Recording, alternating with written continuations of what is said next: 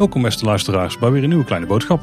Ja, welkom bij de podcast over alles Efteling met Tim Hinsen en Paul Sprangers. Ja, en een kleine verrassing, want we zijn er niet op maandag, maar we hebben wel wat nieuws te brengen, Tim. Ja, nou ja, we zijn er wel op maandag. Alleen we hadden voor, uh, voor maandag eigenlijk geen nieuwsaflevering gepland. Weer een, uh, leuke tijdloze onderwerpaflevering. Alleen zoals wel vaker het geval is, uh, als we dan voorlopig even geen nieuwsaflevering opnemen, dan komt er vervolgens een hoop nieuws naar buiten vanuit de Efteling. in dit geval ook wel groot nieuws wat we niet te lang wilden laten liggen. Ook denk ik omdat best wel veel mensen daar vragen over hebben. En dat gaat natuurlijk over het nieuws van de uitspraak van de Raad van State. Of de voorlopige uitspraak moet ik eigenlijk zeggen. De tussenuitspraken? De tussenuitspraak, oké. nou. En uh, er komt ook nog iets nieuws aan in de Efteling in 2021. Dus zullen we het even beide kort over hebben. Ja, dus omdat er toch twee uh, zulke ja, best wel uh, heftige nieuwtjes zijn vanuit de wereld van de Efteling, dachten we dat het toch verstandig zou zijn om even tussentijds snel een bonusaflevering uit te brengen. Dus ja, bij deze eigenlijk een extra aflevering van Kleine Boodschap als nieuwsflits. En we proberen er echt een kleine boodschap van te maken. Maar ja, ik twijfel ook of dat gaat lukken. Dus we even gaan kijken naar het nieuws over de Raad van State. Want ik kan me nog herinneren dat de vorige keer dat er een grote uitspraak zou komen. Toen uh, zaten wij met z'n tweeën volgens mij in de gelachkamer in het Efteling Hotel. Ja, klopt. Daar waren we toen speciaal voor gaan zitten, ja. Ja, want we denken, dan gaan we het grote nieuws vieren. Maar toen zaten we er vrij verslagen bij, na, uh, volgens mij, naar de uitspraak. Want die was toen niet positief voor de Efteling. In dit geval is hij in principe ook niet positief voor de Efteling. Want het bestemmingsplan is voorlopig nog niet goedgekeurd. Uh, maar waarom, daar gaan we het daar even over hebben. We moeten zeggen dat ik me nu een stuk minder neergeslagen door voelde. Kun je hoe dat bij jou zat? Nou, het was voor mij op zich geen verrassing. Ja, om even tijdsbeeld, uh, tijdsbeeld te schetsen. Uh, de Raad van State die zou uh, medio oktober 2020 eindelijk uitspraak doen in de, de, de, langlopende bestemmingsplanprocedure Wereld van de Efteling 2030. En uiteindelijk was het woensdag 14 oktober om kwart over tien ochtends dat de uitspraak online kwam te staan op de website van de Raad van State. Een samenvatting in, in het persbericht. En een hele uitgebreide, complete uitspraak van nou, tientallen, misschien wel honderden A4'tjes lang. Ik heb er een pdf van proberen te maken. Dat is gelukt. En die was 103 pagina's volgens mij. Kijk. En volgens mij hebben wij, we hebben allebei zijn we een aardig eind gekomen met het bestuderen van die uitspraak, toch? Ja, volgens mij heb jij de allerbelangrijkste zaken eruit gehaald. En ik heb denk ik drie kwart of zo door kunnen nemen. Maar, maar voordat we dit echte uitspraak uh, induiken, misschien even eerst de hoofdlijnen schetsen. Uh, want wat we net al zeiden, uh, het is geen definitieve uitspraak van de Raad van State, waar we natuurlijk allemaal wel een beetje op hoopten, maar het is een tussenuitspraak. Dat wil zeggen, heel kort samengevat, heeft de Raad van State beoordeeld dat het bestemmingsplan nog niet helemaal in orde is. Er zijn nog een, een vijftiental puntjes waar ze vragen of opmerkingen op hebben. En daarom hebben ze nu het bestemmingsplan wederom geschorst. Dat wil zeggen dat het nieuwe bestemmingsplan nog niet in werking treedt. Maar dat eh, de gemeente, en dus de Efteling eh, eigenlijk ook, nu een half jaar de tijd heeft om op die punten waar het bestemmingsplan nog niet aan eh, de eisen van de Raad van State voldoet, om het op die punten te herstellen of aan te passen. En daarna wordt het weer opnieuw beoordeeld door de Raad van State. En dat is wel een belangrijke meteen om aan te halen, want dat is ook een vraag die ik vaak langs zag komen. En dat was dat de gemeente nu dus heel veel werk had. Want de gemeente wordt overal genoemd als de gemeente moet dit repareren, de gemeente moet dat repareren.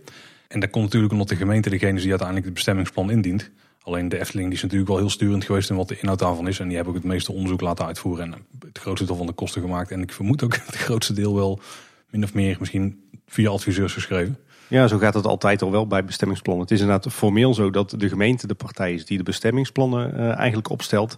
Maar uh, in, in heel veel gevallen bij dit soort private ontwikkelingen laten ze dat volledig over aan, uh, aan de marktpartij of de ontwikkelaar. En in dit geval dus de Efteling.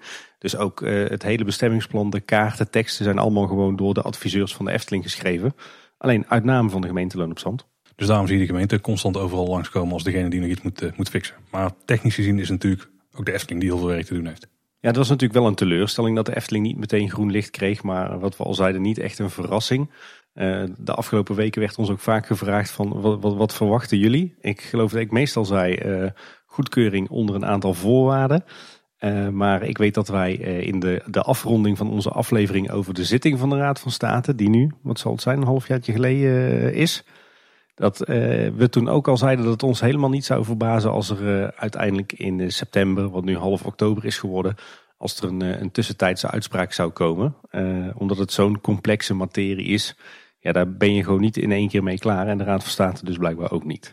want de bezwaarmakers die hadden 141 bezwaren eigenlijk ingediend, of punten ingediend. Uh, en daar is het grootste deel overigens van afgewezen. Ja. Maar er zijn uiteindelijk wel 15 overgebleven. En volgens mij heeft de Raad van State in een persbericht, dat er ook de meeste mensen hebben overgenomen, uh, drie ja, hoofdcategorieën gedefinieerd daarin. Maar wij hebben even het document doorgespit en we zijn er tot wel wat meer gekomen. Ja, inderdaad. Ik ben, ik ben op de een of andere manier niet aan die, uh, die 15 punten gekomen. Ik heb er uiteindelijk 10 kunnen ontdekken in het vonnis. 10 uh, punten waarop uh, de gemeenteloon op zand het bestemmingsplan moet herstellen. Dus waar die andere vijf zijn, weet ik niet. Uh, maar, maar, de hoofdpunten die in het persbericht stonden waren uh, het feit dat uh, de Efteling, of eigenlijk de gemeente, onvoldoende heeft gemotiveerd waarom de uitbreiding niet gewoon in het bestaande park kan plaatsvinden.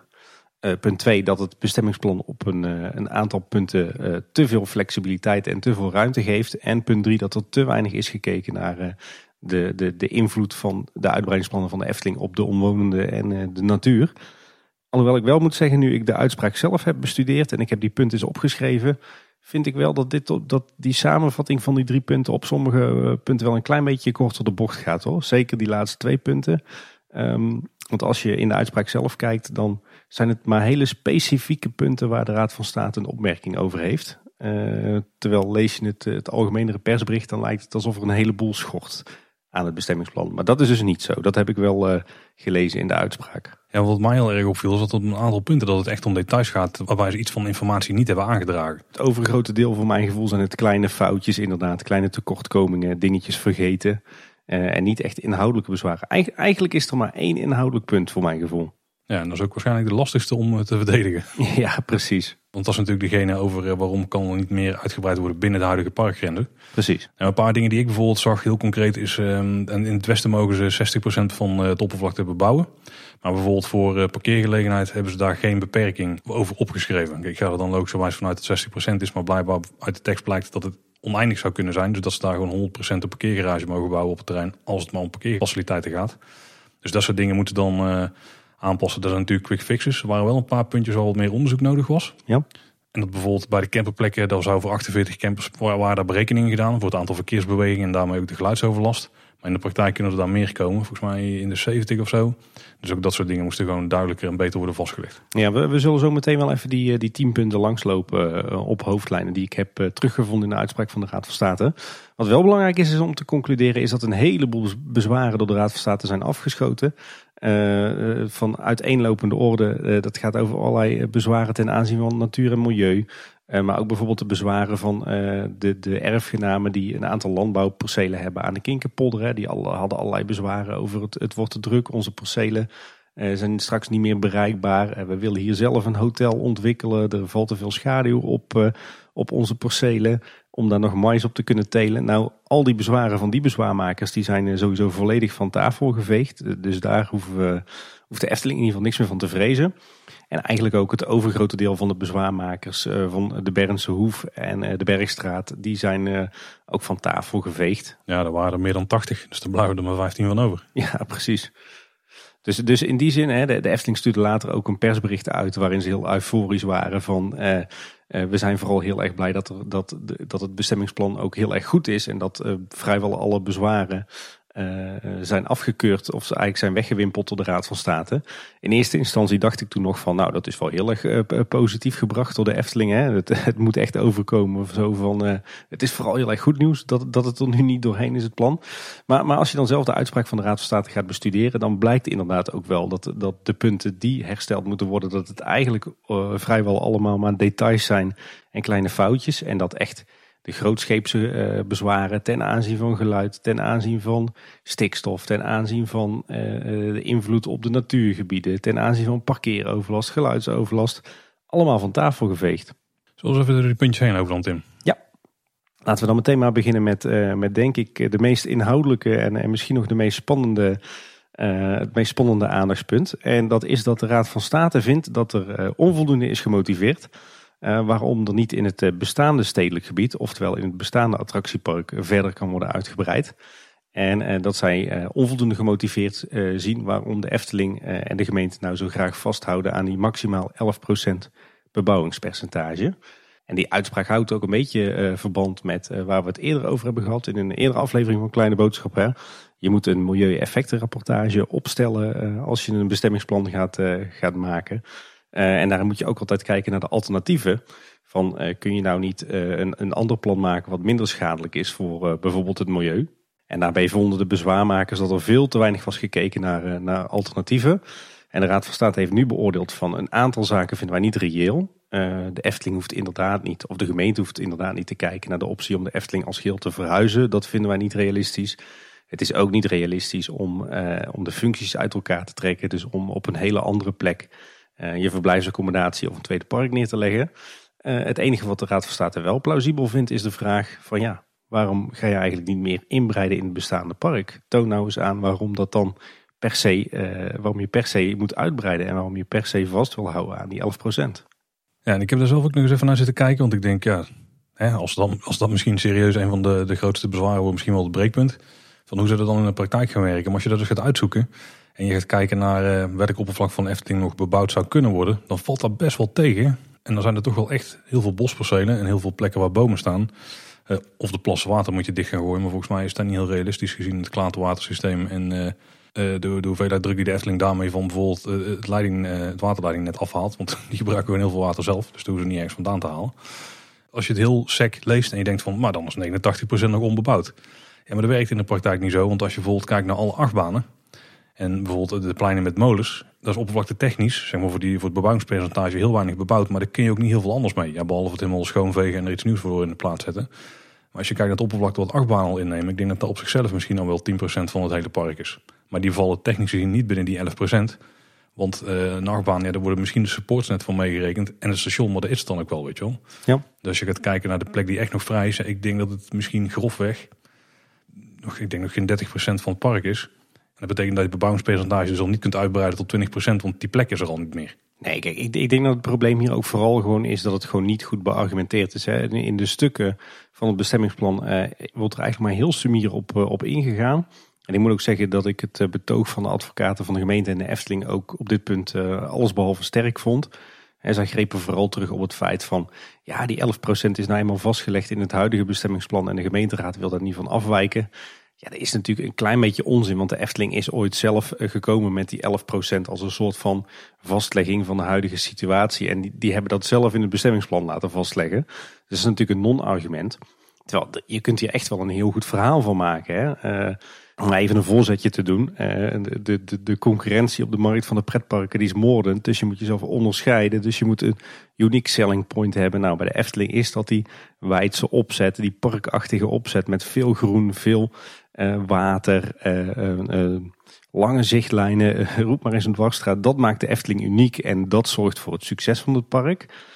dus dat wil je vasthouden, want als je meer gaat bebouwen, dan wordt het weer meer eenheidsworst. Dan, dan verandert weer de uitstraling van je park. Dan ben je unique selling point kwijt. Ja, ze kunnen hier ook nog grijpen op de, de, de beoordelingen van het groen, want die zijn altijd heel positief. Ja, en je wil inderdaad niet, niet uh, de waterplassen dichtgooien. Je wil niet meer groen kappen. Je wil niet meer verstening. Want dat is allemaal ook niet klimaatrobuust. Het is allemaal niet duurzaam. Dus volgens mij kan je hier een fantastisch verhaal van maken. Alleen dat moet je wel even goed opschrijven. En het zou ook wel fijn zijn als het uh, wat meer, uh, zoals de Duitsers zeggen, begeisterd wordt gebracht. dan dat het destijds in de zitting van de Raad van State werd gebracht. Dan moeten ze Frans Gené even naar voren schuiven. Die was wel bij. ja, precies. Daar zat ik ook aan te denken. Nee, ik denk dat je hier dat je echt wel een fantastisch verhaal kunt maken over waarom die maximaal 11% bebouwingspercentage nou, uh, nou zo belangrijk is voor de Efteling en voor het succes van de Efteling. Maar dan moet je wel gewoon een goed verhaal van maken. En dat voor mijn gevoel zat het tot op heden inderdaad niet goed in de stukken.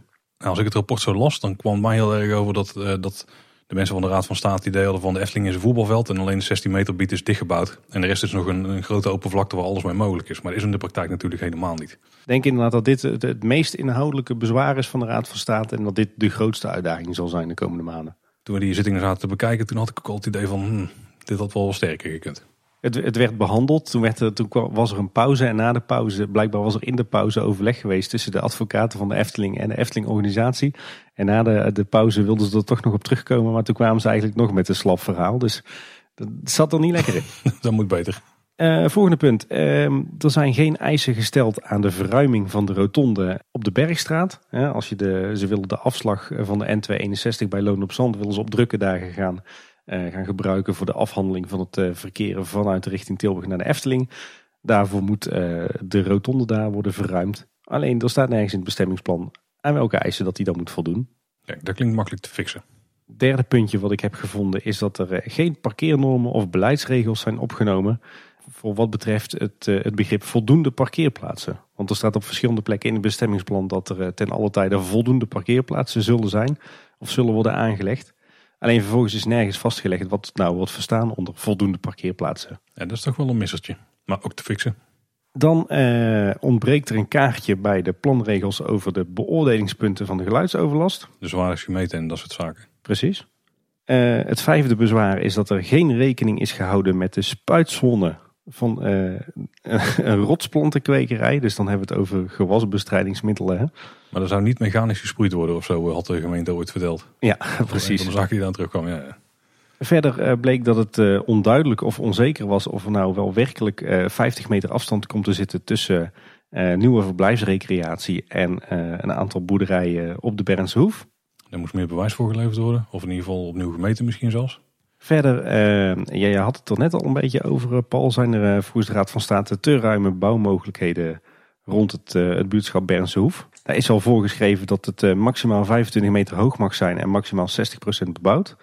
Maar de gebouwde parkeervoorzieningen, oftewel bijvoorbeeld een parkeergarage, die, die tellen niet mee. Wat zou kunnen betekenen dat je die percelen volledig vol kunt bouwen met, met enorm grote hoge parkeergarages.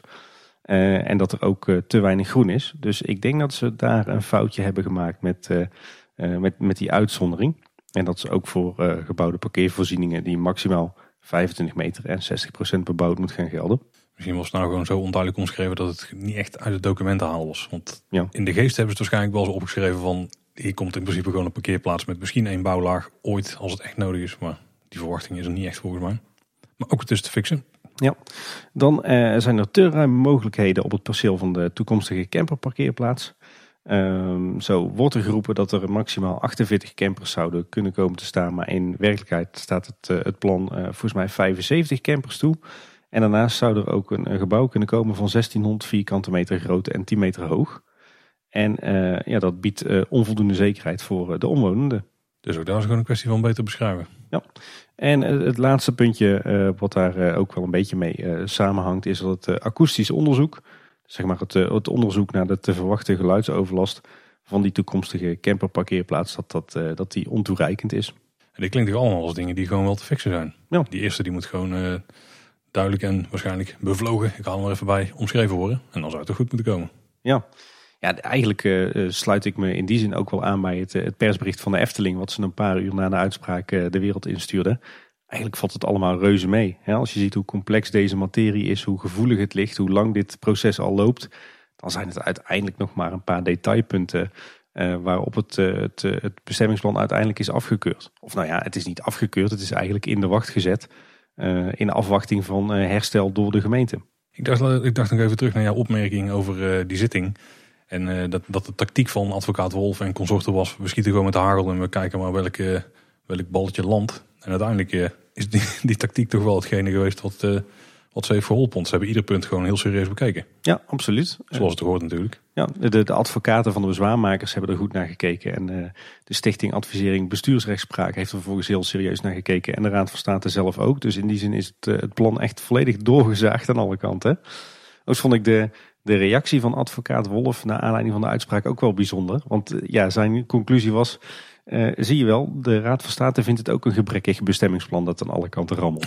Terwijl als je dan de uitspraak goed leest, dan is het alles behalve dat. Dus goed, er was misschien een beetje stemmingmakerij. Ja, uiteraard, maar dat mag hij ook best doen. Ja. Dit is een soort van zijn overwinning, voorlopig. Ja, ja inderdaad. Dus ja, uh, al, ik denk samenvattend... Uh, Jammer natuurlijk voor de Efteling eh, dat het bestemmingsplan er niet ineens eh, in één keer doorheen is en dat ze niet nu kunnen gaan beginnen met bouwen. Als ze dat überhaupt al eh, zouden gaan doen nu natuurlijk vanwege corona en de financiële perikelen. Uh, maar ik denk als je wat meer de inhoud uh, induikt, dat de punten waarop het bestemmingsplan even in de wacht is gezet, dat die allemaal heel erg meevallen en dat het echte detailpunten zijn. Nou goed, en de Efteling en de gemeente die hebben nu een half jaar de tijd om die punten aan te passen. Dan uh, moet de Raad van State er opnieuw naar kijken en dan komt er opnieuw een uitspraak. Nou ja, en uh, dan zijn we dus uh, een half jaar tot een jaar verder, denk ik. Hmm, dat is niet goed voor mijn punten. Zit je weer met de glazen bol aflevering in je hoofd. Ja. Nee, maar goed, ik denk dat het wel reëel is. Hè. Ze hebben een half jaar hersteltijd. Daarna moet er nog goed naar worden gekeken. Dan moet er nog een zitting worden ingeroosterd. Dan duurt het ook weer even voordat er een uitspraak is. Dat zag je hierbij ook. Hè. Hier was ook niet volgens de, de normale termijn meteen een uitspraak. Daar uh, vroegen ze ook uitstel op aan. Dus uh, ja, ik denk dat we zomaar eens een jaar verder zijn voor we echt definitief groen licht hebben. Als we dat krijgen natuurlijk. Maar daar ga ik uh, uitgaande van mijn eerste bestudering van de uitspraak wel van uit. Even terug naar mijn allereerste vraag Tim. hoe voelde je toen de uitspraak kwam? Toen de uitspraak kwam, toen was ik in eerste instantie een klein beetje teleurgesteld natuurlijk. Later was er het gevoel van ja, dit is eigenlijk wel wat we, wat we altijd wel voorspeld hadden. En toen ik vandaag eens de tijd nam om eens goed in de uitspraak te duiken, toen dacht ik ach, het valt allemaal heel erg mee. En inderdaad voor zo'n complex en gevoelig uh, traject valt me het echt 100% mee.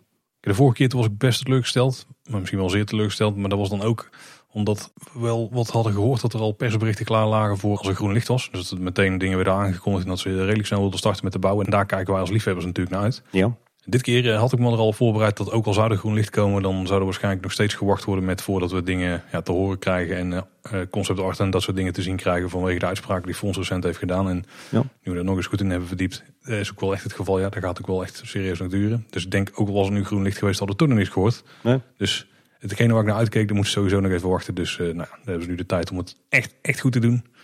En dan uh, verwacht ik toch wel dat als het echt nog een jaar gaat duren, nou, dan is het einde van de crisis of in ieder geval een eindpunt is dan vrij zeker in zicht.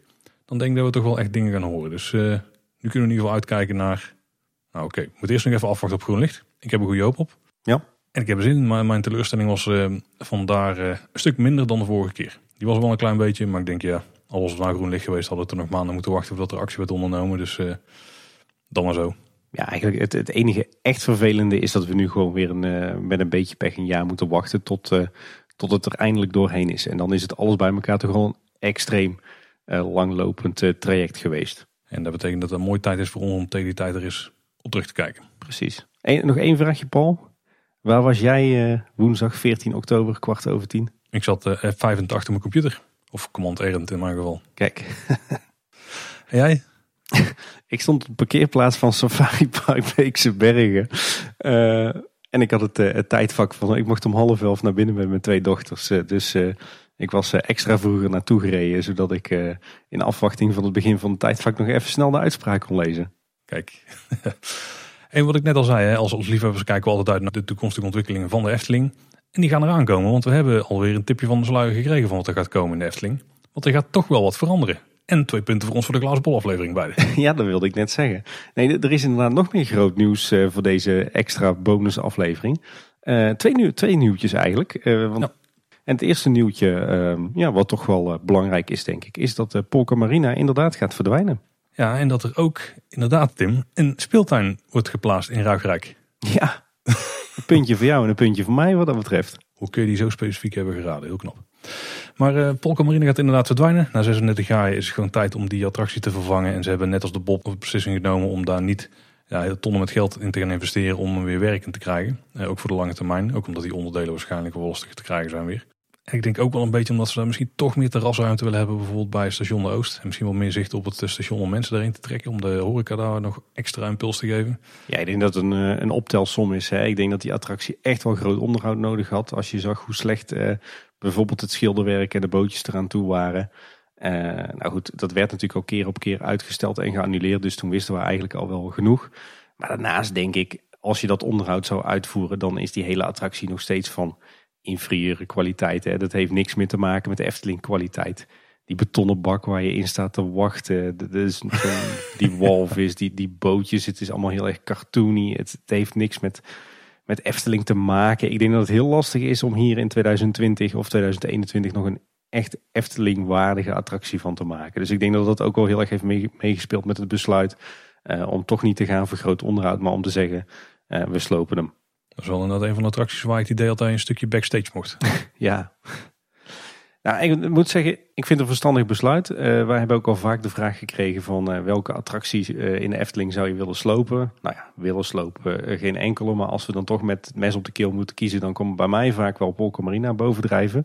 Niet dat ik iets tegen die attractie heb. Ik bedoel, Als kind heb ik er enorm vaak in gezeten. En nu ik zelf twee jonge meisjes heb, zit ik er ook weer enorm vaak in. Dus in die zin hangt er voor mij wel veel jeugdsentiment en überhaupt sentiment van af. Maar tegelijkertijd vind ik het toch wel een van de minste en zeker minst mooie attracties in de Efteling. Dus, dus in die zin denk ik dat we er weinig aan gaan missen.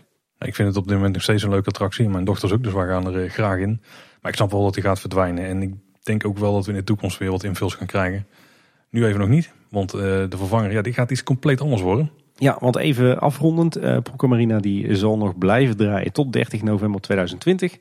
Dan maakt de attractie zijn laatste rondjes. En dan uh, zal begin 2021 de attractie worden gesloopt.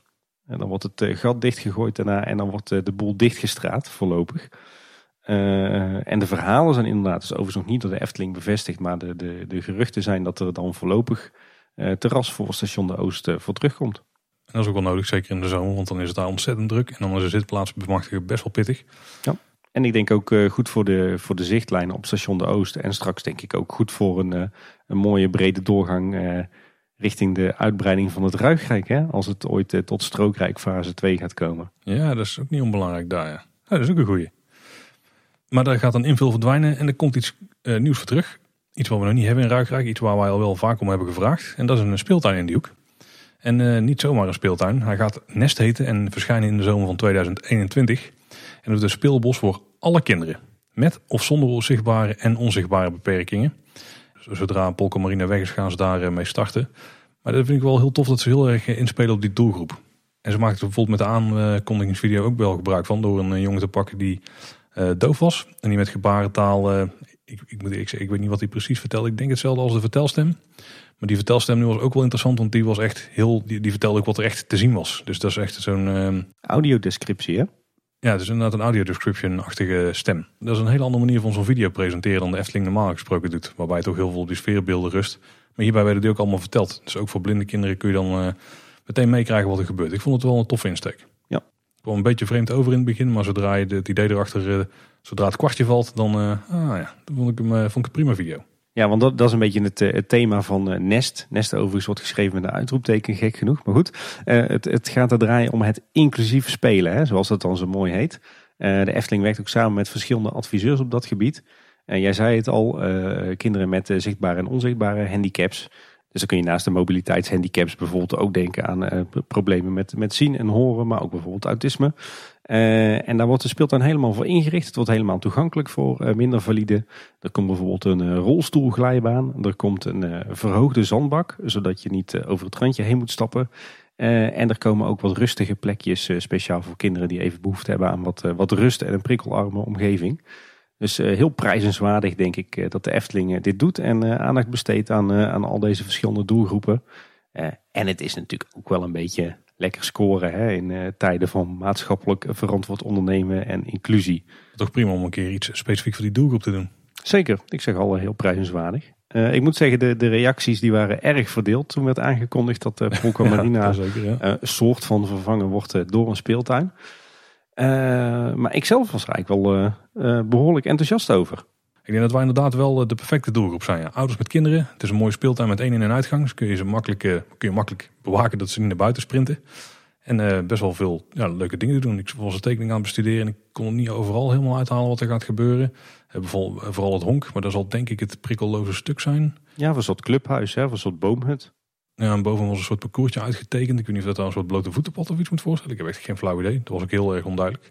Het was, het was een hele wazige impressietekening. Het was volgens mij ook een samenraapsel van, van, van photoshops en handschetsen en misschien dingetjes van leveranciers. Het was een beetje bij elkaar geknutseld.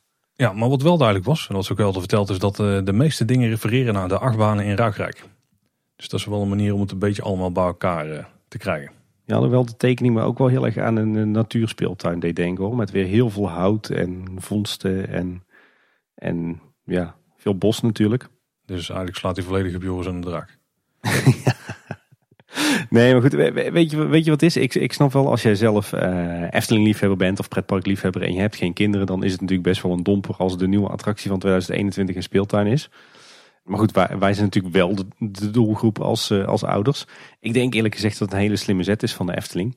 Uh, je miste in deze hoek echt nog wel een speeltuin. je hebt natuurlijk speeltuinen in het uh, en Rijsrijk. En in Anderrijk heb je de dierenwereld bij Fabula. In Ruigrijk had je wat dat betreft nog niks. en zeker met het verdwijnen van Polka Marina heb je echt wel behoefte aan een attractie voor de allerkleinste. Ja, en een speeltuin is gewoon ontzettend fijn voor kinderen. Uh, je ziet ook wel dat dat de laatste jaren een vlucht heeft genomen. Hè? Kijk bijvoorbeeld naar alle speelnatuur en speelbossen en natuurspeeltuinen die uh, zijn ontstaan in en bij natuurgebieden. Maar kijk ook naar, naar alle pretparken in Nederland en de landen om ons heen. Naar alle dierentuinen, naar musea. Overal schieten de, de nieuwe speeltuinen als paddenstoelen uit de grond. de een nog unieker dan de ander. waterspeeltuin, klimaatrobuust, in thema, verhalend overal zie je schitterende speeltuinen ontstaan. En eh, de Efteling is nu ook op die kar eh, gesprongen. En ik moet zeggen, ik, ik zie het eigenlijk ook wel een beetje als een eh, mooie invul voor een tussenjaar. Als je ziet dat we in 2020 Max en Moritz hadden. toch een grote nieuwe achtbaan, of eigenlijk twee achtbanen. laten we hopen in 2022 of 2023 strookrijk met Grand Circus Balancé. Dan is 2021 echt zo'n tussenjaar waarin je voorheen bijvoorbeeld een sprookje zou verwachten. Nou, ik moet zeggen, ik vind een, eh, een speeltuin van 2 eh, miljoen, want dat gaat die kosten, vind ik eh, een, een mooi alternatief voor bijvoorbeeld een sprookje. En voor iedereen die denkt van ja, maar ik zie veel liever een uitdagende attractie. Even een klein tijdlijntje. We hadden de bron. Die gingen naar, dus dat is voor de waaghalzen, gingen naar Symbolica voor de families. Naar Max en Moritz voor de kinderen. Gaan we naar de speeltuinen voor de hele kleine kinderen. En we gaan dadelijk gaan we weer omhoog naar Grand Circus Balancé, wat er meer voor de families is. Dus daarna dan gaat er weer iets komen, Tim. Ja, precies.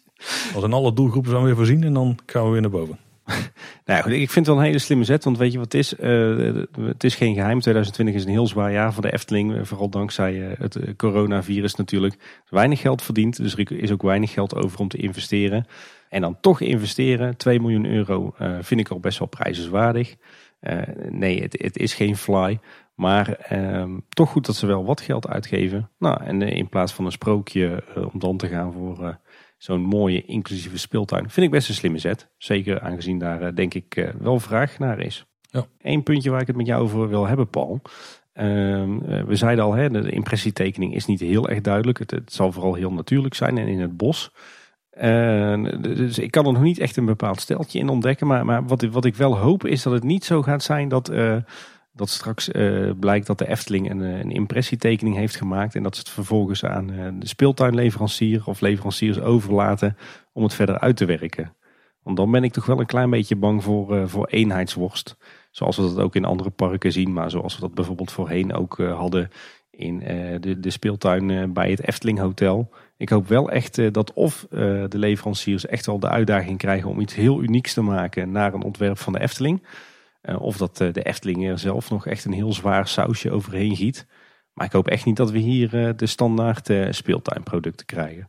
Ja, ik snap jou wel, ja, want de concept zelf leek wel een beetje op zo'n Disneyland Fun Map die ze vroeger altijd hadden in Californië. Volgens mij hebben ze die ook wel gemaakt voor de andere parken, maar zo'n heel stilistische ja, manier van tekenen die niet echt in de realiteit zo uit kan pakken. Dus ik ben inderdaad wel benieuwd wat ze ervan maken. Maar dan moeten we even afwachten. Ja. En, en wat voor mij nog niet helemaal duidelijk was, Paul, misschien heb jij het gezien, zit er nou een waterelement in? Ja, dat kon ik niet helemaal, uh, kon ik niet helemaal duidelijk krijgen. Toch, toch een klein beetje waterspeeltuin dan? De tekening was sowieso niet super duidelijk. En we vielen gewoon uh, lichaam al halfweg en zo. Dus ik weet niet of dat hij dan ook door een soort moeras kan lopen. Maar ik denk dat daar gewoon foutjes in de impressie waren. Nee, ik, ik, hoop in ieder geval wel dat er een groot waterelement in zit. Zeker in uh, tijden van steeds hetere, drogere zomers zou het wel fijn zijn als er ook iets van een waterspeeltuin in de Efteling komt, toch? Daar heb ik geen problemen mee, nee. Nou, nog even samenvattend dan. Uh, we hebben het dus over Nest, uh, de nieuwe inclusieve speeltuin in het Ruigrijk. Komt te liggen tussen de Game Gallery en de Vliegende Hollander in het bos. Gaat uh, 2 miljoen euro kosten. de bouw start januari 2021. Oplevering zomer 2021. En dat alles naar een ontwerp van Robert Jaap Jansen. Ja, de volgende nieuwsaflevering dan gaan we er veel dieper nog op in. Ja, voor nu, dit was eigenlijk voor deze bonusaflevering. Maandag staat er weer gewoon een onderwerpaflevering voor je klaar. Ja, het is natuurlijk niet dat er niet nog meer Efteling nieuws is. Want natuurlijk valt er nog van alles te vertellen over Aquanura met een zachte G. Over Max en Moritz, over de coronacrisis, over onderhoud. Maar we hebben er bewust voor gekozen om het eh, even te laten bij eh, deze twee belangrijke nieuwtjes. Voor deze speciale bonusaflevering. En eh, zodra er weer een, een standaard nieuwsaflevering klaar staat op de maandagochtend. Dan gaan we jullie natuurlijk bijpraten over al die andere nieuwtjes. Voor nu in ieder geval bedankt voor het luisteren. Maar mocht je nou voor die aflevering iets van input willen geven, dat kan. Want dat kan via onze social media kanalen bijvoorbeeld. Eh, op Twitter zijn we @kaboodschap en op Facebook en Instagram zijn we Kleine Boodschap. En verder hebben we natuurlijk een eh, website, kleineboodschap.com. Daar vind je alle afleveringen. Daar vind je onze show notes en het contactformulier waar je een reactie kan insturen. Yes, nog uur voor deze speciale bonusaflevering. Bedankt voor het luisteren. Tot de volgende keer en houdoe. Houdoe waar.